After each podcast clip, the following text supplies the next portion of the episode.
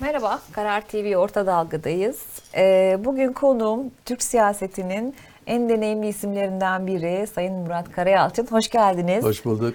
Ee, şimdi size belediye başkanlığı yaptınız, parti başkanlığı yaptınız, devlet bakanlığı, e, dışişleri bakanlığı.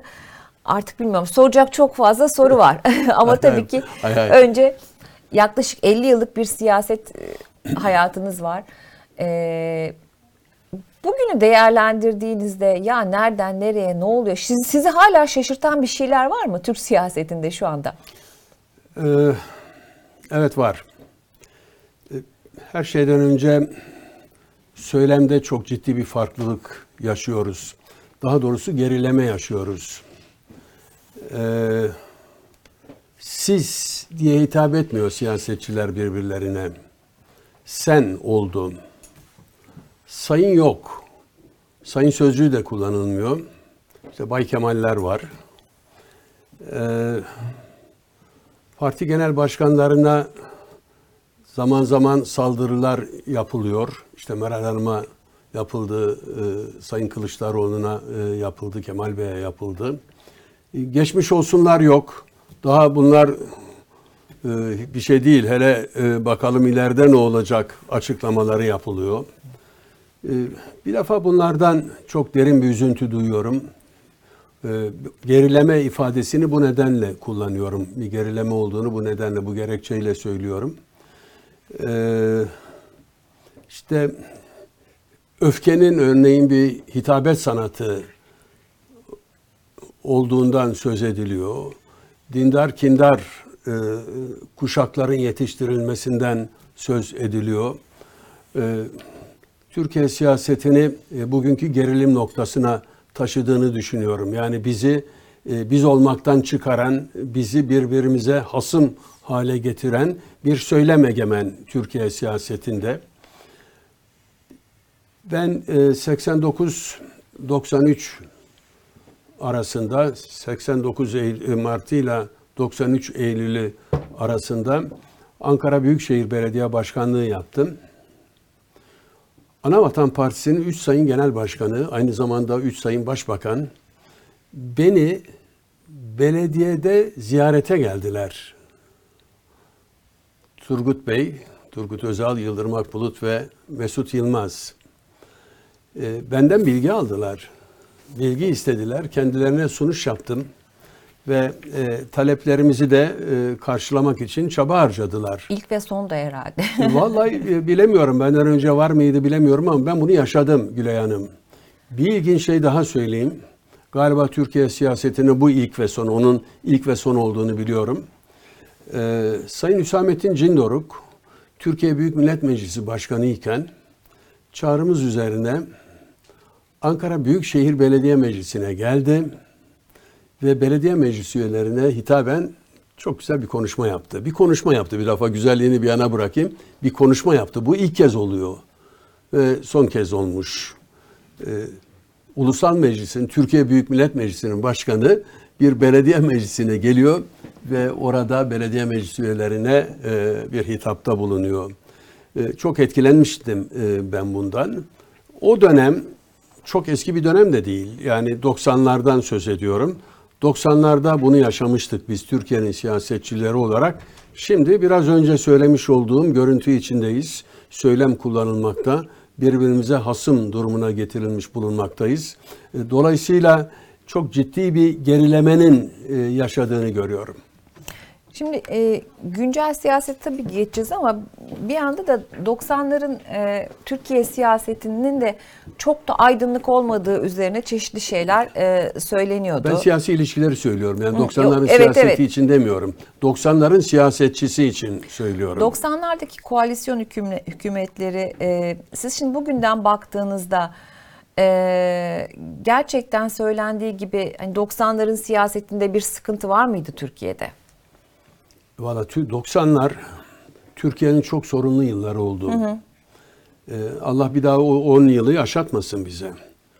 Ee, iktisadi koşullar, iktisadi mali koşullar kötüydü. Terör e, çok can aldı.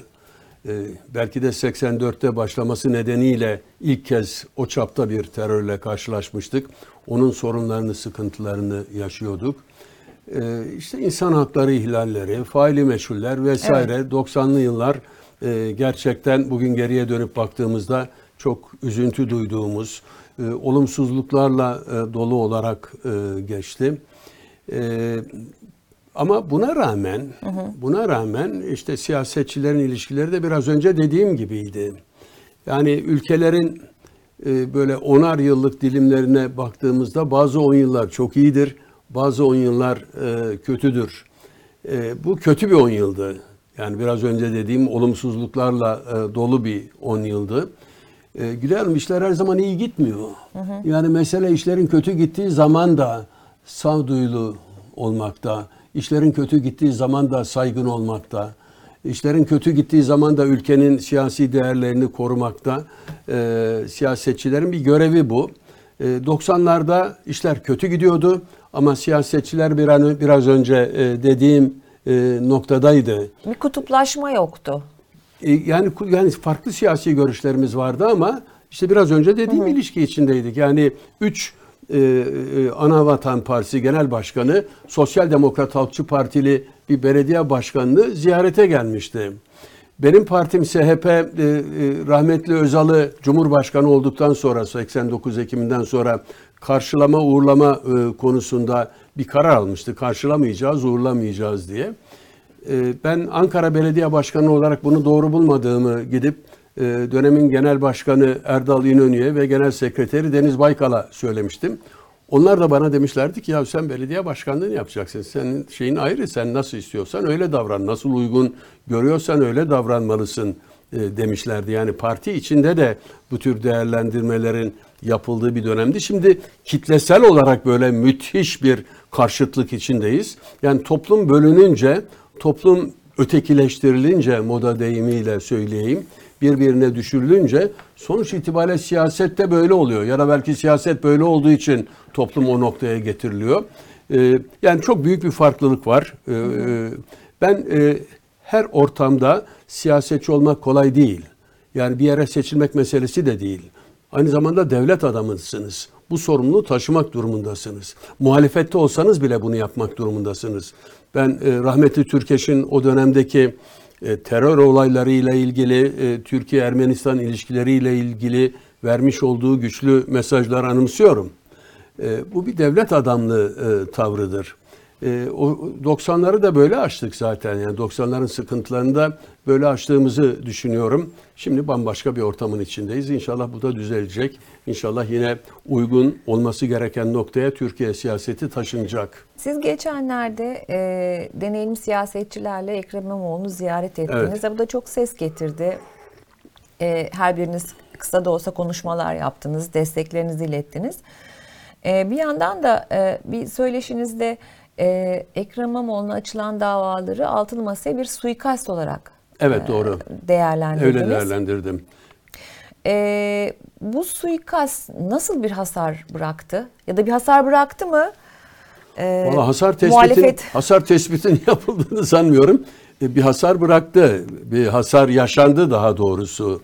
E, yani tekrar anımsatmak gibi olmasın o yani çok kısa bir süre önce yaşadık. Herkesin belleğindedir e, diye düşünüyorum.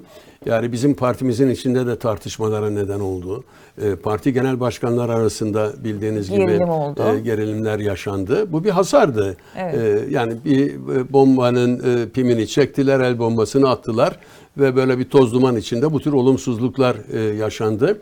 Ama altılı masa çabuk toparladı. E, şimdi e, çok fazla iz Otomobil düşüncesindeyim ya da perte çıkmadı. umudundayım. Birazcık hasar gördü ama perte çıkmadı. Evet, Hala doğru. yolda Doğru, tekerlekler, doğru. e, Devam direksiyon ediyor. her şey sağlam. Peki e, şimdi altılı masa artık hani altılı masa tartışması e, kalıbından da yani hakikaten e, belki de herkes biraz sıkıldı ama e, siz altılı masada bir gerilim görüyor musunuz? Yani kopuşa gidecek bir gerilim görüyor musunuz? Ee, e, ben altılı masanın kolay kolay dağılacağı kanısında değilim. Ee, çünkü halkımız e, bu masayı çok önemsedi. Aslında bu ifadeyi de kullanmak istemiyorum. Benim e, kullandığım ifade ittifak İttifak. ifadesidir. Ben ittifakı tercih ediyorum. Daha güçlü bir sözcük. Çünkü altılı masa biraz daha böyle geçici izlenimini O aslında medyanın da taktığı bir isim oldu Ya ama ve öyle benimsendi, kaldı evet, benimsendi. Öyle, e, evet öyle e, parti genel başkanlarından da hiç ittifak sözcüğünün e, Evet, o- kullanılana rastlamadım. E, o da kullanılmıyor. E, ben de e, ittifakı ittifak sözcüğünü tercih etmeme karşın ben de altılı masa diye konuşmaya başladım. Onu fark ediyorum. Altılı masayı halkımız destekliyor, benimsiyor. Altılı masanın kolay çözüleceği, dağılacağı kanısında değilim. E, gerilim tabii olacak. Yani gerilimden, gerilimin olmasından korkmamak gerekir. Bence önemli olan açık olmaktır, açık davranmaktır. Her sorunu masada konuşmaktır.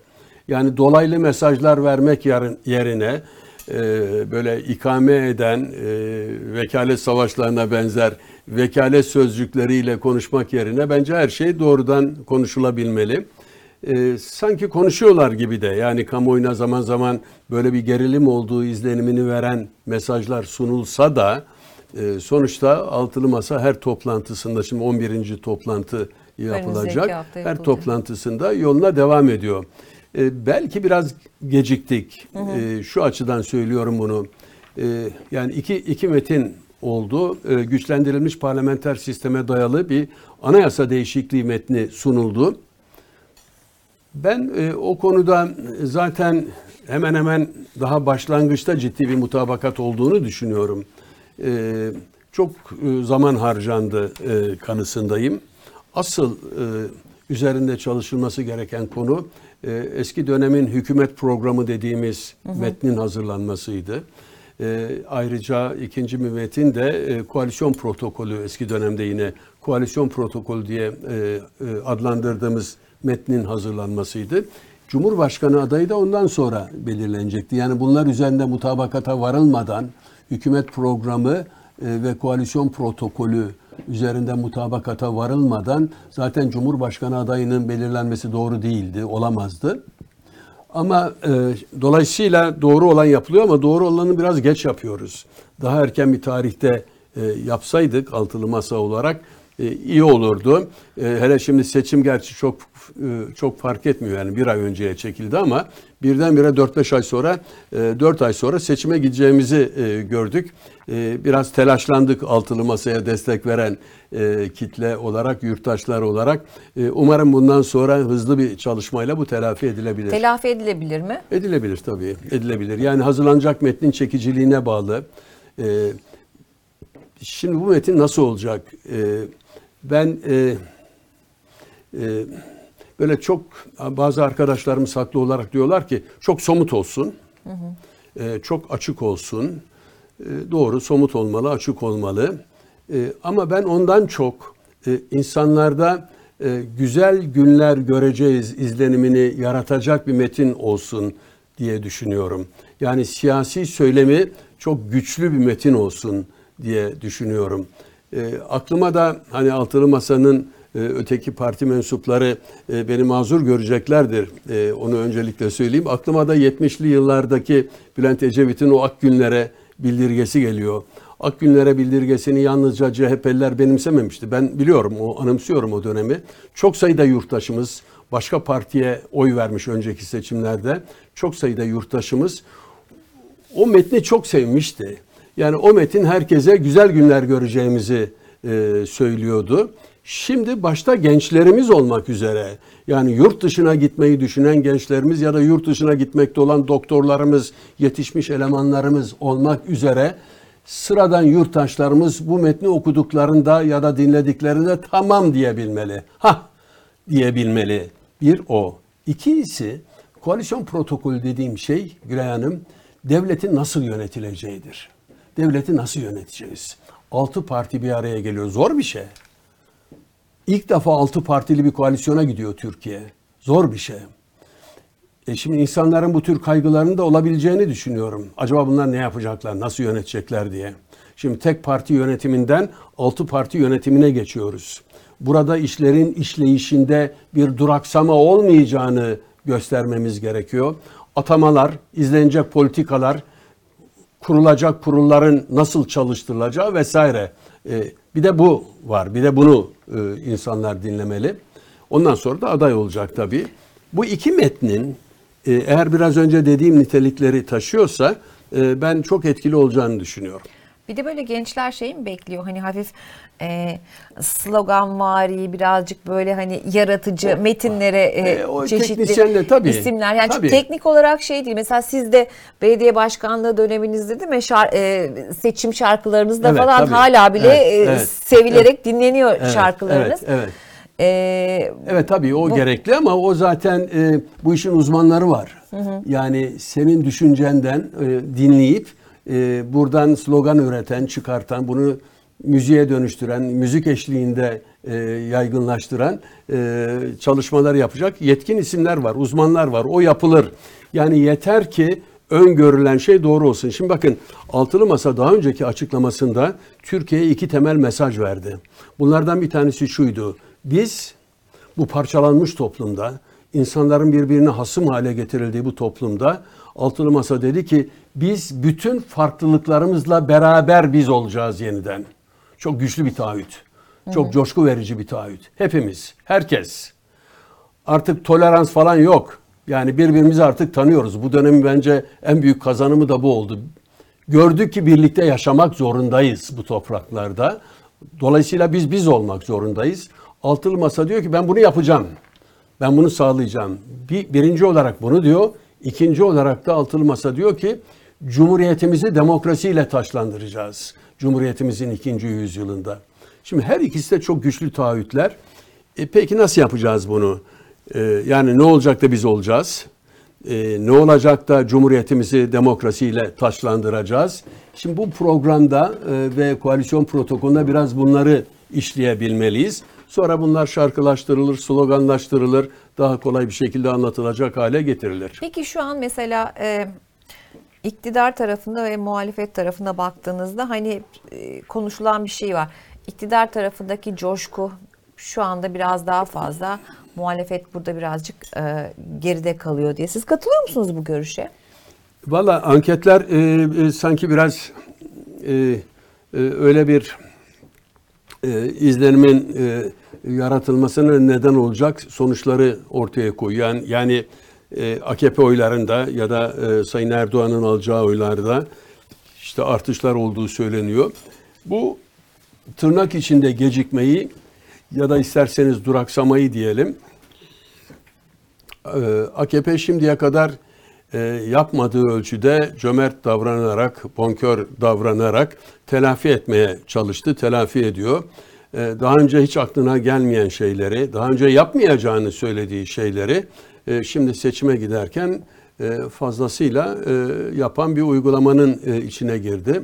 Tabii aslında bunun çok fazla bir kıymet harbiyesi yok Gülay Hanım. Çünkü yani bugün aldığınız 2-3 gün sonra eriyor. Bu enflasyonist ortamda bu verilen parasal desteklerin önemi yok. Ama sonuç itibarıyla insanlar üzerinde bir etki de yaratıyor. Zaten yüksek bir olasılıkla EYT'nin geciktirilmesi, e, Yavaş yavaş kaydırılıyor işte evet, yani Şubat, şimdi, Mart. Evet, şimdi her ay e, para arzında yüzde on artış var. Yani kesenin ağzı açılmış durumda. E, para arzı artırılıyor ve bütün bunlar o şekilde finanse ediliyor. Ama enflasyonist ortamda bu bir süre sonra e, eriyor, etkisini kaybediyor, yitiriyor. E, bunun etkisinin e, e, kaybolmayacağı ya da azalmayacağı bir zaman aralığını yakalamaya çalışıyorlar. E, o zaman aralığında sonuç alma e, arayışı içindeler. Sanırım e, ve umarım bu e, altılı masa yönetimi tarafından da dikkate alınacaktır.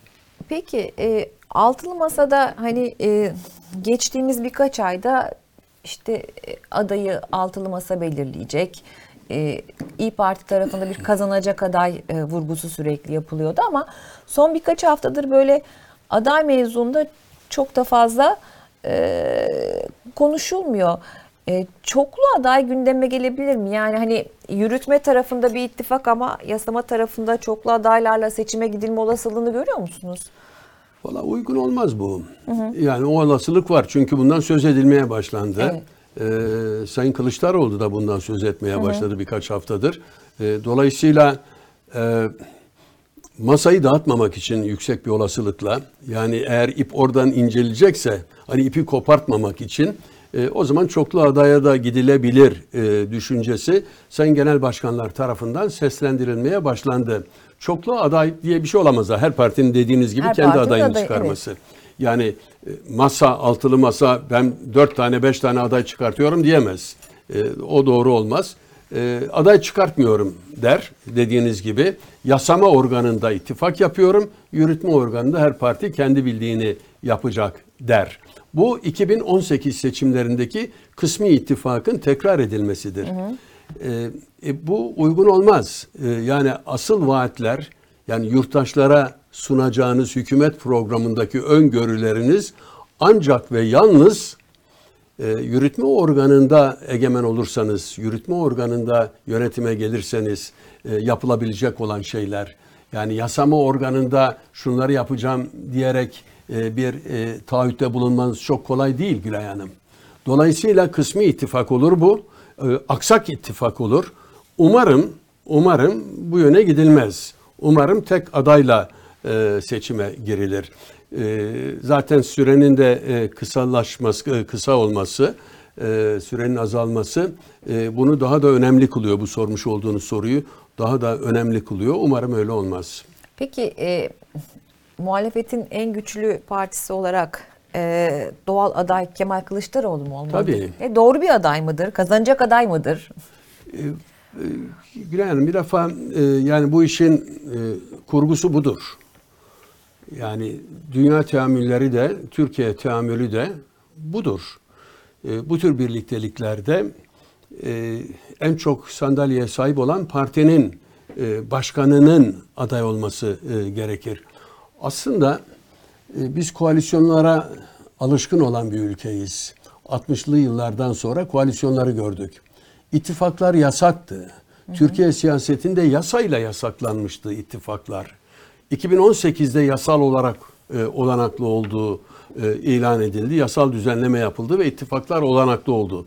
Dolayısıyla ittifak konusunu 2018'den bu yana biliyoruz. Ama ikisinin de aynı şey olduğunu düşünüyorum. Bir tanesini seçimden önce yapıyorsunuz, öbürünü de seçimden sonra yapıyorsunuz. Seçimden sonra olursa koalisyon... Biraz mecburiyet oluyor. Ee, Burada birazcık da e, ama dünya tercihti. siyaseti de böyle zaten. Yani dünya siyasetinde de böyle olduğunu görüyoruz. Yani hemen hemen her yerde e, yeni bir takım birliktelikler inşa ediliyor vesaire. Şimdi buralarda e, e, olan budur. Yani e, en çok sandalyeye sahip olan partinin genel başkanının e, aday olması e, şeklindedir. E, öyle olmalıdır. E, aslında bunun tartışılması bile söz konusu olmamalıydı. E, ama tartışıldı.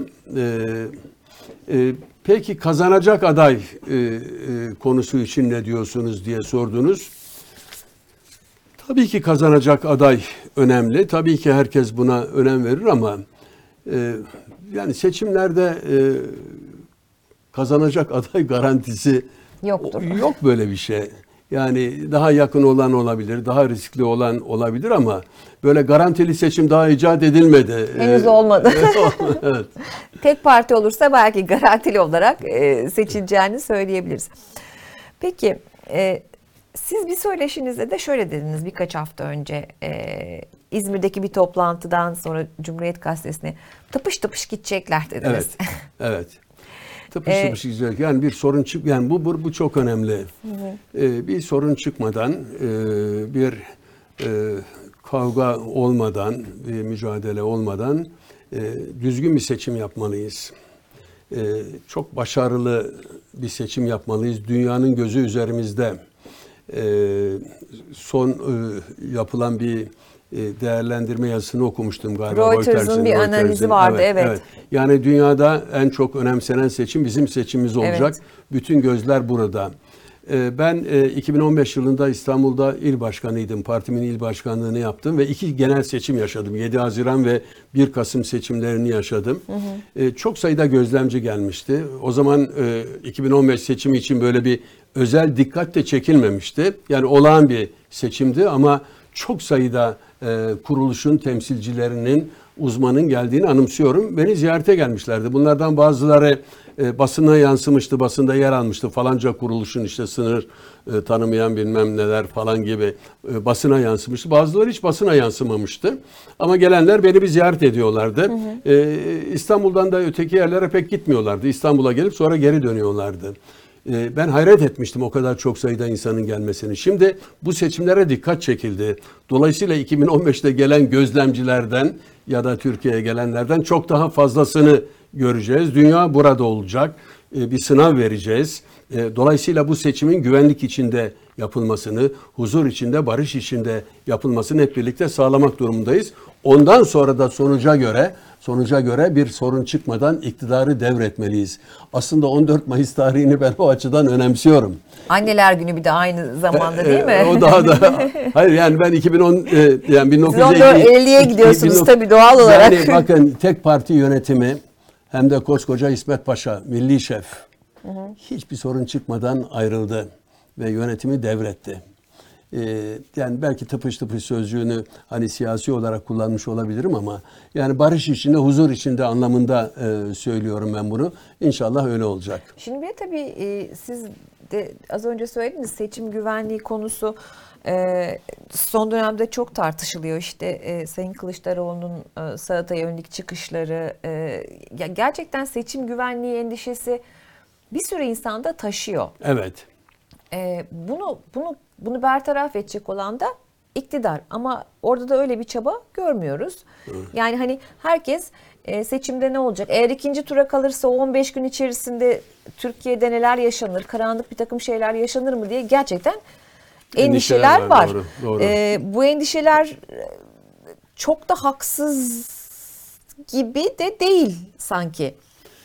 Şimdi Cumhurbaşkanlığı seçimiyle Türkiye Büyük Millet Meclisi seçiminin aynı günde olmasına biz baştan itibaren itiraz ettik parti olarak.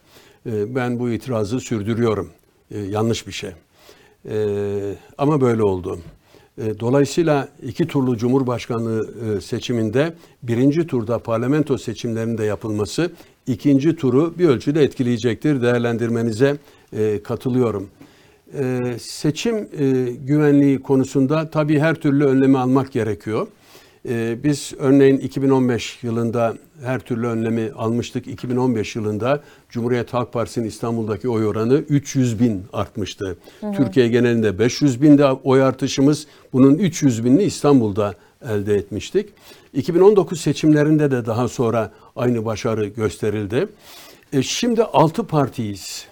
Yani hep birlikte bunu yapacağız. Aslında bütün muhalefet partilerinin de bunu yapacaklarına inanıyorum. Dolayısıyla herkesin gözü seçimde, sandıklarda, seçim güvenliğinde, sandık güvenliğinde.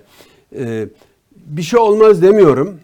Her türlü tedbir almalıyız ama abartmamalıyız da. Ee, çünkü bazılarında canım oho ata alıp Üsküdar'a geçecekler falan değerlendirmesi şey var. Niye gideyim ben falan değerlendirmesi. Bu çok yanlış. Hiç endişe etmeden gitmeliler. Ee, biz altılı masa olarak her türlü önlemi alacağız. Herkes gitsin, oyunu versin. Orada e, temsilcilerimiz olacak. Orada avukatlar olacak. Orada gözlemciler olacak. E, herkes orada olacak. Yalnızca bizim ittifakımız değil, başka ittifaklar var.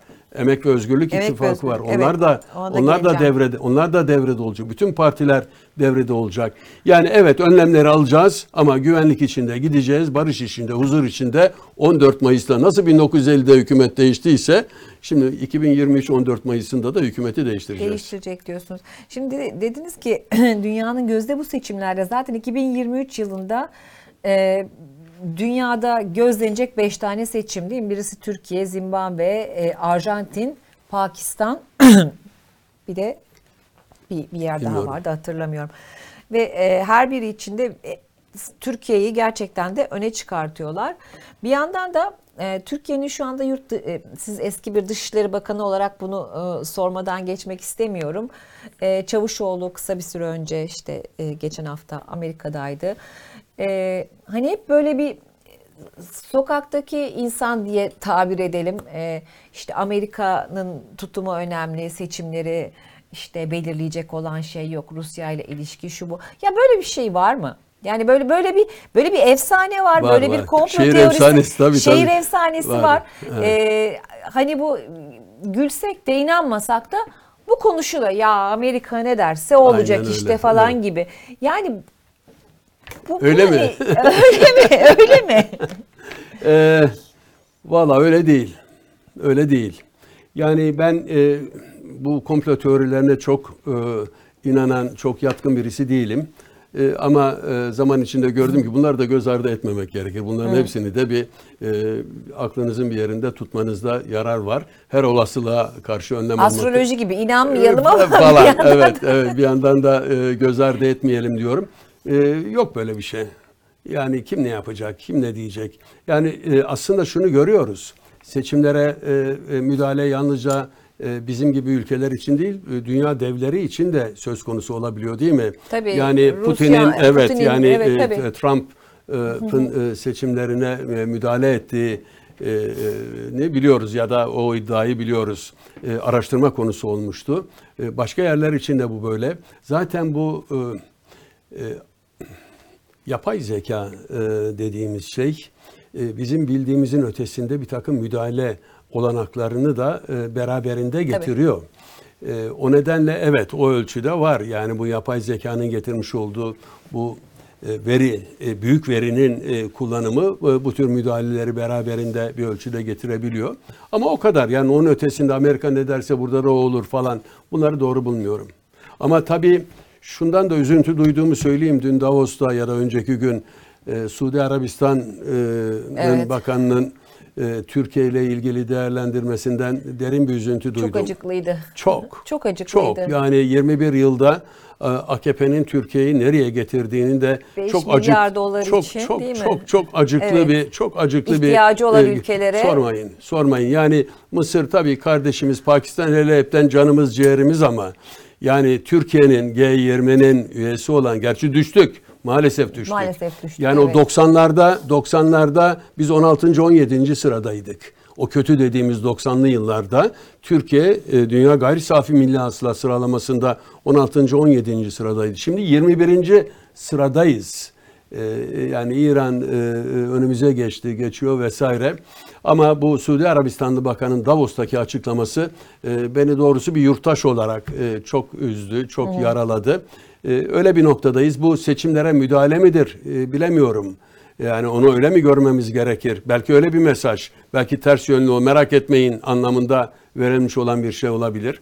Ee, e, apar topar Amerika'da siz söylediğiniz Sayın Çavuşoğlu'nun e, görüşmesiyle ilgili e, böyle bir toplantı, stratejik e, kurulun böyle bir toplantı yapması da seçimlerden önce bu F-16'nın e, çözülmesini belki beraberinde e, getirebilecektir. Ben onun yanı sıra e, yine dış siyasetle bağlantılı olarak Suriye konusunun da e, bir şekilde görüşülmüş olabileceğini düşünüyorum. Çünkü e, e, AKP izlemekte olduğu yanlış dış siyasetten çark etmeye başladı. İyi ki çark ediyor, doğrusunu yapıyor. E, ama e, kolay kolay sonuç alamayacağı da görülüyor. Yani Suriye diyor ki önce bir tamam görüşürüz de sen bir askerlerini çek bakalım. Yani çok çok çarpıcı bir talep bu. Belki bunlar Amerika ile görüşmeden yana olmadığını söylüyor falan.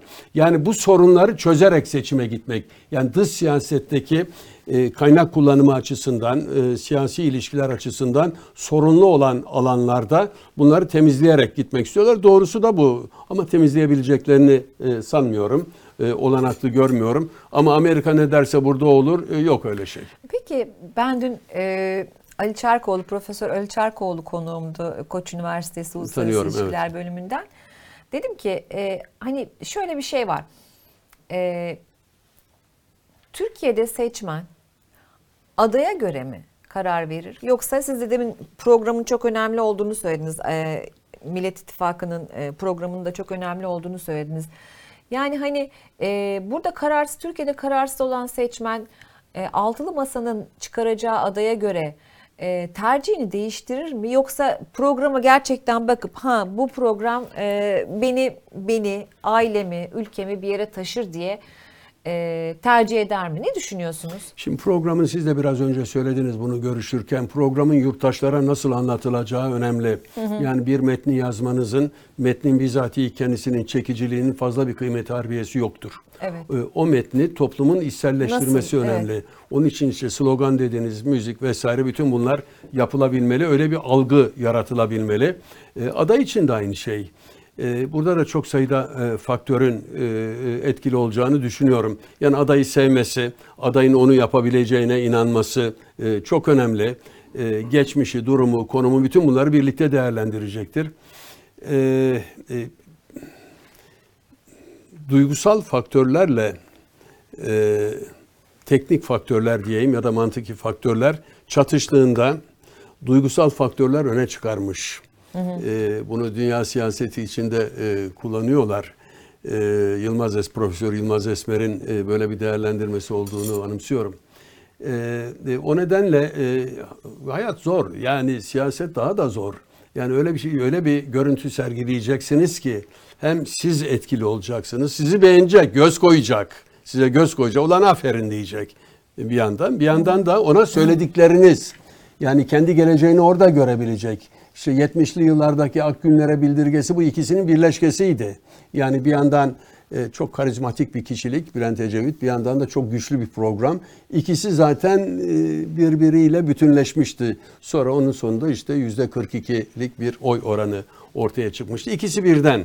Onu söyleyeyim yani yalnızca biri ya da öbürü değil. E, Bir de mesela İstanbul e, belediye seçimlerinde Ekrem İmamoğlu Beylikdüzü Belediye Başkanı iken belki de çok fazla e, kişinin tanımadığı bir Tabii. isimdi. Hatta ilk olarak aday gösterildiğinde de Evet. yani hani seçilir Kim mi, bu? kim bu gibi evet, şeyler doğru. oldu ama Ekrem İmamoğlu hani sadece İstanbul Büyükşehir Belediye Başkanı olarak değil hakikaten Türkiye'de de Çok sevdi toplum. çok Ekrem. sevildi. Evet, evet, E, doğru. ve bir belediye başkanlığının Doğru. aslında dışına çıktı. Çok doğru. Siz de aslında değil mi e, belediye başkanlığını bırakarak e, tekrar e, SHP'de başka bir göreve Evet. gelmek üzere e, bırakmıştınız. Şimdi ya Ekrem İmamoğlu'nun e, Cumhurbaşkanı adayı olması e, seçimi kolaylaştırır mıydı? Ya da bu, bu hata mıdır? Siz hani bu konuda çok deneyimli biri olarak sormak istiyorum gerçekten. evet. Yoksa e, her şeyin bir zamanı mı vardır? Ben e, evet Ekrem Bey ile ilgili değerlendirmenize katılıyorum. Bunu ben de görüyorum. E, halkımız Ekrem Bey'i sevdi.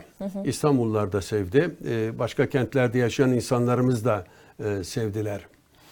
Benim e, parti genel başkanlığına aday olduğum dönemde yasalar e, bunu olanaklı kılıyordu Gülay Hanım.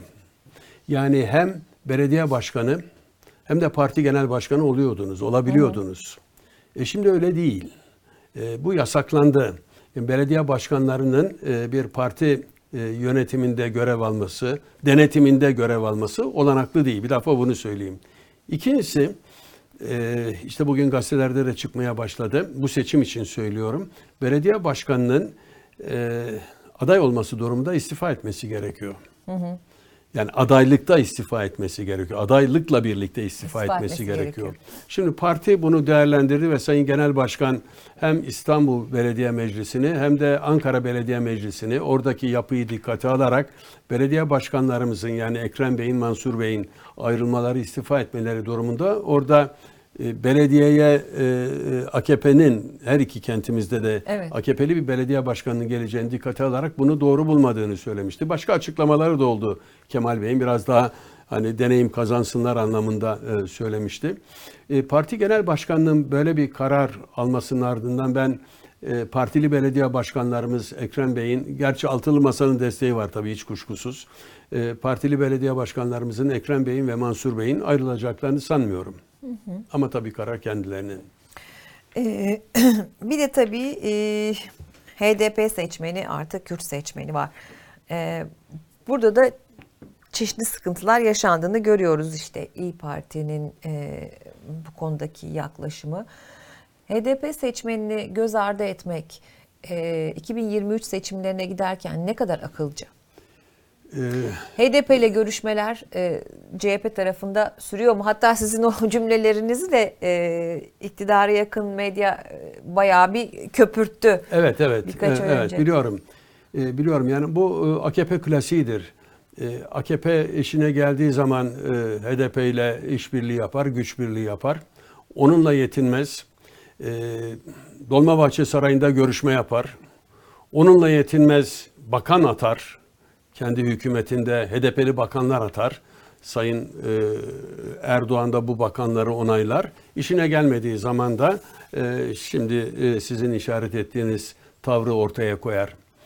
E, HDP seçmeninin e, sayısını bir hatırlatayım. Yani 6 milyon üzerinde bir yurttaşımız HDP oy veriyor. HDP bugün Türkiye Büyük Millet Meclisi'ndeki üçüncü parti. E, eğer böyle bir parti sorunlu bir parti olarak görülüyorsa e, bu hepimizin sorunu.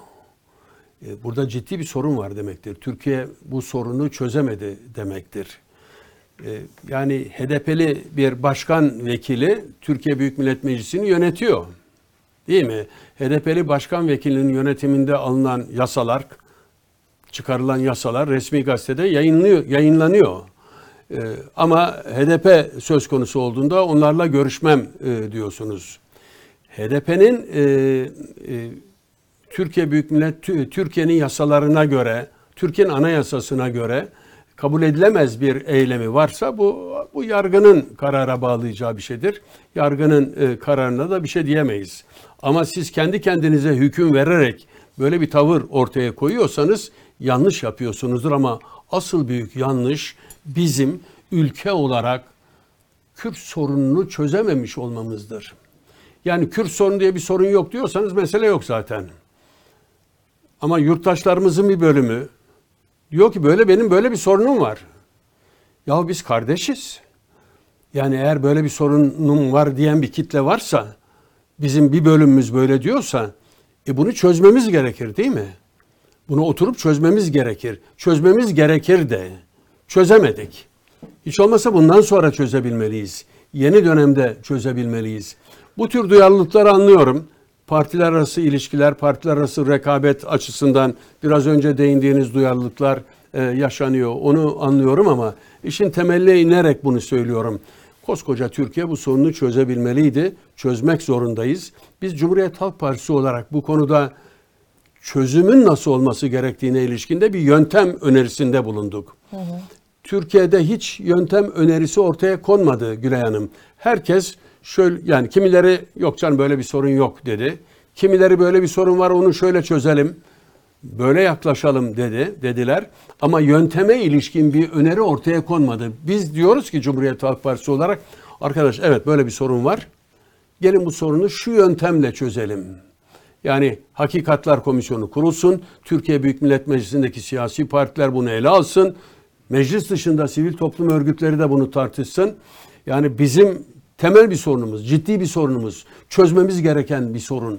Ee, Bizim büyümemiz, gelişmemiz, güçlenmemiz, Türkiye Devleti'nin gücü, e, Türkiye Devleti'nin saygınlığı, Türkiye Devleti'nin, Türkiye Cumhuriyeti Devleti'nin uluslararası toplumdaki yeri vesaire biraz da bununla ilişkili. Bu sorun çözülmelidir. Evet ama seçime giderken bir yandan Yani da şu an hani- için demiyorum yani genel evet, olarak çö- söylüyorum. e, HDP ile ilişkiler ve İyi Parti ile ilişkiler. Bizim ilişkilerimizi de söyleyeyim AKP affedersin çok özür dilerim. Buyurun, yani siz söylemiştiniz. Yani biz görüşüyoruz dediğim bir e, hükümet programı görüşmüyoruz ya da bir ittifak görüşmesi yapmıyoruz. Biz HDP ile görüşüyoruz. Yani bayramlarda e, birbirimizi ziyaret ediyoruz. E, telefonla görüşülmesi gereken ya da yüz yüze görüşülmesi gerekenler gereken şeyler olursa görüşüyoruz. Benim dediğim bu. E, ama bunu AKP e, yönetimi Evet. kadroları sizin dediğiniz gibi köpürttü. Köpürttüler. Sanki biz bir koalisyon görüşmesi e, yapıyormuşuz gibi bir izlenim yaratmaya çalıştılar. O doğru değil. Ee, ama yani diyorsunuz ki seçime giden süreçte e, altılı masanın HDP ile ilişkisinde bir şekilde bir denge oluşturmayı başarmak Ol- mümkün olacak. Olmalıydı öyle diyeyim. Olmalıydı. Olmalıydı. Olmalıydı. Geciktik mi? Olmaz mı artık? E, pek olanaklı görmüyorum. Pek bundan olanaklı görmüyorsunuz ama e, HDP seçmeninin oyunu almadan da e, iktidarı kazanmak pek Çok mümkün doğru. gözükmüyor. Çok doğru. Yani Bu ne HDP'nin? HDP'li seçmenin oyunu yerel yönetimler yerel yönetim seçimlerinde kabul edip de e, Ulusal Meclis'in ve Cumhurbaşkanlığı seçiminde kabul etmemek de bir gariplik değil mi? Yani e, o seçmenin oyu yerel yönetim seçimlerinde muteber. E, ama Cumhurbaşkanlığı seçiminde ya da Türkiye Büyük Millet Meclisi seçiminde e, can verirse versin ya da versin ama yani bir görüşme yapmayayım e, demek e, bana göre çok garip. Ama artık bu bence bundan sonra önümüzdeki dört ay içinde böyle bir şey olacağını sanmıyorum. E, belki e, adaylık konusunda e, e, farklı bir takım e, gelişmeler olabilir. Zaten Sayın Ahmet Türk'ün e, dün ya da önceki gün, Önceki gün, e, evet. vermiş olduğu e, açıklamada biraz onun işareti olarak e, görülebilir. Yani bir bir dengeyle götürüyoruz. Bu 2019 seçimlerinde e, e, şöyle bir şey vardı. E, ÖDP e, ittifakta yoktu hatırlıyorsunuz. Ama ÖDP'nin genel başkanı bizim Cumhuriyet Halk Partisi'nin Beyoğlu Belediye Başkan adayıydı Sayın Taş. Ee, yani tam içindeydi. Ee, Saadet Partisi dirsek teması diyordu. Ee, ama Saadet Partililer de, Saadet Partisi'nin seçmeni de e, devredeydi. HDP'nin hiç adı yoktu. Ama e, seçim sonuçlarında HDP'li seçmenin çok büyük katkıları olduğunu gördük. Bu ne bu? Bu- Bunu nasıl tanımlamak gerekir bilemiyorum. Tam tanımlayamıyorum ama böyle bir e, böyle bir olgu e, yaşandı. E, Şimdi belki ona benzer bir olgu olabilir mi? E, Onu görmek lazım, onu anlamaya Pek çalışmak de lazım. değilsiniz ama hissettiğim kadarıyla. E, Zor gibi gözüküyor. Zor gibi gözüküyor. Peki e, son bir soru olarak şunu söylemek istiyorum. Siz de e, koalisyon hükümetinde siya- siyaset yaptınız Türkiye'de E, ve dediğiniz gibi ilk kez 6 partili bir ittifak aday.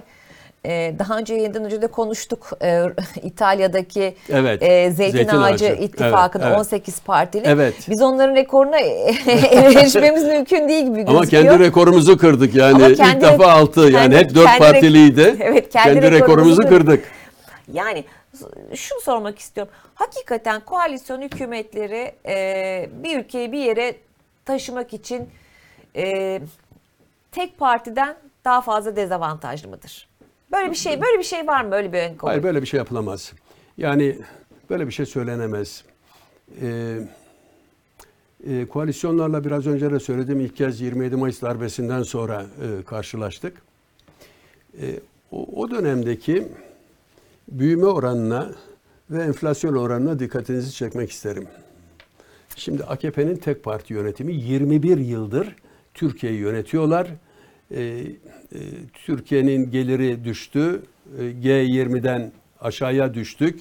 Enflasyon hiç oranı bile vermeyeyim. Ama koalisyon döneminde 60'lı yıllarda koalisyon döneminde e, yüzde beş, e, yüzde yedi büyüme ve yüzde beş enflasyon vardı. Yani eğer bir ölçü olarak bunu almamız gerekirse işte size bir ölçü. Yani büyüme ölçüsü ve enflasyon ölçüsü. Koalisyon hükümetinde yüzde beş enflasyon, yüzde yedi büyüme. E, Şimdi e, AKP yönetimindeki büyüme ve e, enflasyon oranlarına bakın. Yani böyle bir genelleme yapılamaz. E, tabii ki yani akıl, mantık e, tek parti yönetiminin daha e, işler sonuçlar e, verebileceği. Ama tek parti yönetiminin de ülkeyi nereye getirdiğini görüyoruz. Yani ağzını açan Sayın Cumhurbaşkanı'nın onayıyla ya da Sayın Cumhurbaşkanı'nın talimatıyla tek kişinin e, yönetiminin e, e, sürdürülmesi mümkün değil. Yani zaten yaşadıklarımız da bunu gösteriyor. Bu yanlışlığın ne olduğunu gösteriyor. Eğer siyasetçiler birbirleriyle anlayış içindelerse e, bir program hazırlamışlar ve buna sahip çıkarlarsa, uygularlarsa pekala başarılı sonuçlar da elde edilebilir. Size bir örneğini verdim. 60'lı yılların ilk yarısının örneğini verdim. Ee, şu anda Türkiye'de son bir ke- kelime kavram olarak sizden duymak isterim. Türkiye'deki şu anda rejime ne isim verebiliriz biz? Yani anayasa koymuş, e, AKP'de adını koymuş, Cumhurbaşkanlığı hükümet sistemi. Sistemi. Evet. Dünyada böyle bir sistem yok. Adı bu da. Adı bu. Algı ne? Ee, e, tek adam yönetimi diyoruz. Tek adamın keyfi yönetimi diyoruz. Bu. Yani devletin bütün erklerini bir kişi kendi elinde kullanmakta, bir araya getirmiş kullanmakta. Yok böyle bir şey. Yani Kutat Kubilik'ten bu yana yok. Yusuf Sacib'in meşhur Kutat Kubilik'inde de devletin nasıl yönetileceği söylenir. Yazılma tarihi 1070. Daha Türkler Anadolu'ya gelmeden önce yazılmış bu. Yok böyle bir şey. Geçmiş 70'ten beri bu yana diyorsunuz böyle bir hiç sistem, yok böyle şey bir yok. olay. İlk defa böyle bir olay. Dünya da ilk kez görüyor e, bunu. Aslında güçlendirilmiş parlamenter sistem dediğimiz bir e, bir sistem de yok. E, yani parlamenter sistem var. Parlamenter sistem E, biraz var. öyle bir jargonun yani yeni bir takım eklemeler var. İşte hükümetin bozulmasında e, mutlaka alternatif güven oyu alacak bir alternatifin ortaya konması zorunlu e, vesaire getiriliyor. E, bir başka çok çarpıcı şey e, e, kesin hesap komisyonuyla plan büt- e, plan e, bütçe komisyonunun ayrılması e, ve kesin hesap komisyonunun başkanlığına bir muhalefet partisi milletvekilinin getirilmesinin taahhüt edilmesi.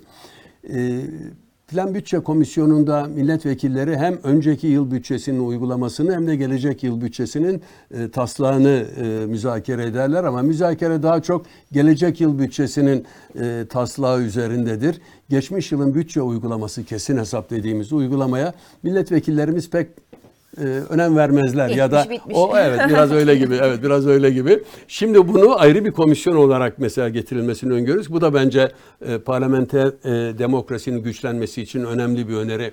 E, Sayın Kılıçdaroğlu'nun önerisiydi. E, yani bu tür yenilikler var ama yani sonuç itibariyle parlamenter sistem e, böyle bir sistem yok. Cumhurbaşkanı hükümet sistemi diye bir sistem yok. Zaten hükümet yok ortada. Yani e, Evet, hükümet, hükümet yok yok. ki hükümet sistemi diyelim. Ee, inşallah 14 Mayıs'ta bu bitecek. İnşallah parlamenter Tıpış sistem. tıpış diyorsun sen. Yani belki o oradaki tıpış. takılmayalım. Evet yani dostluk içinde, barış Dostluk içinde. içinde, barış Ee, içinde, Evet, evet. evet e, güvenlikli bir şekilde, Güvenlikli bir e, şekilde. seçim evet, tamamlanacak evet, diyorsunuz. evet.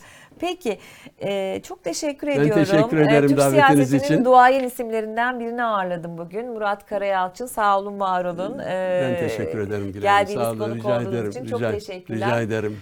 E, Orta Dalga'dan bugünlük de bu kadar. Önümüzdeki hafta görüşmek üzere diyorum. Hoşçakalın. İyi hafta sonları.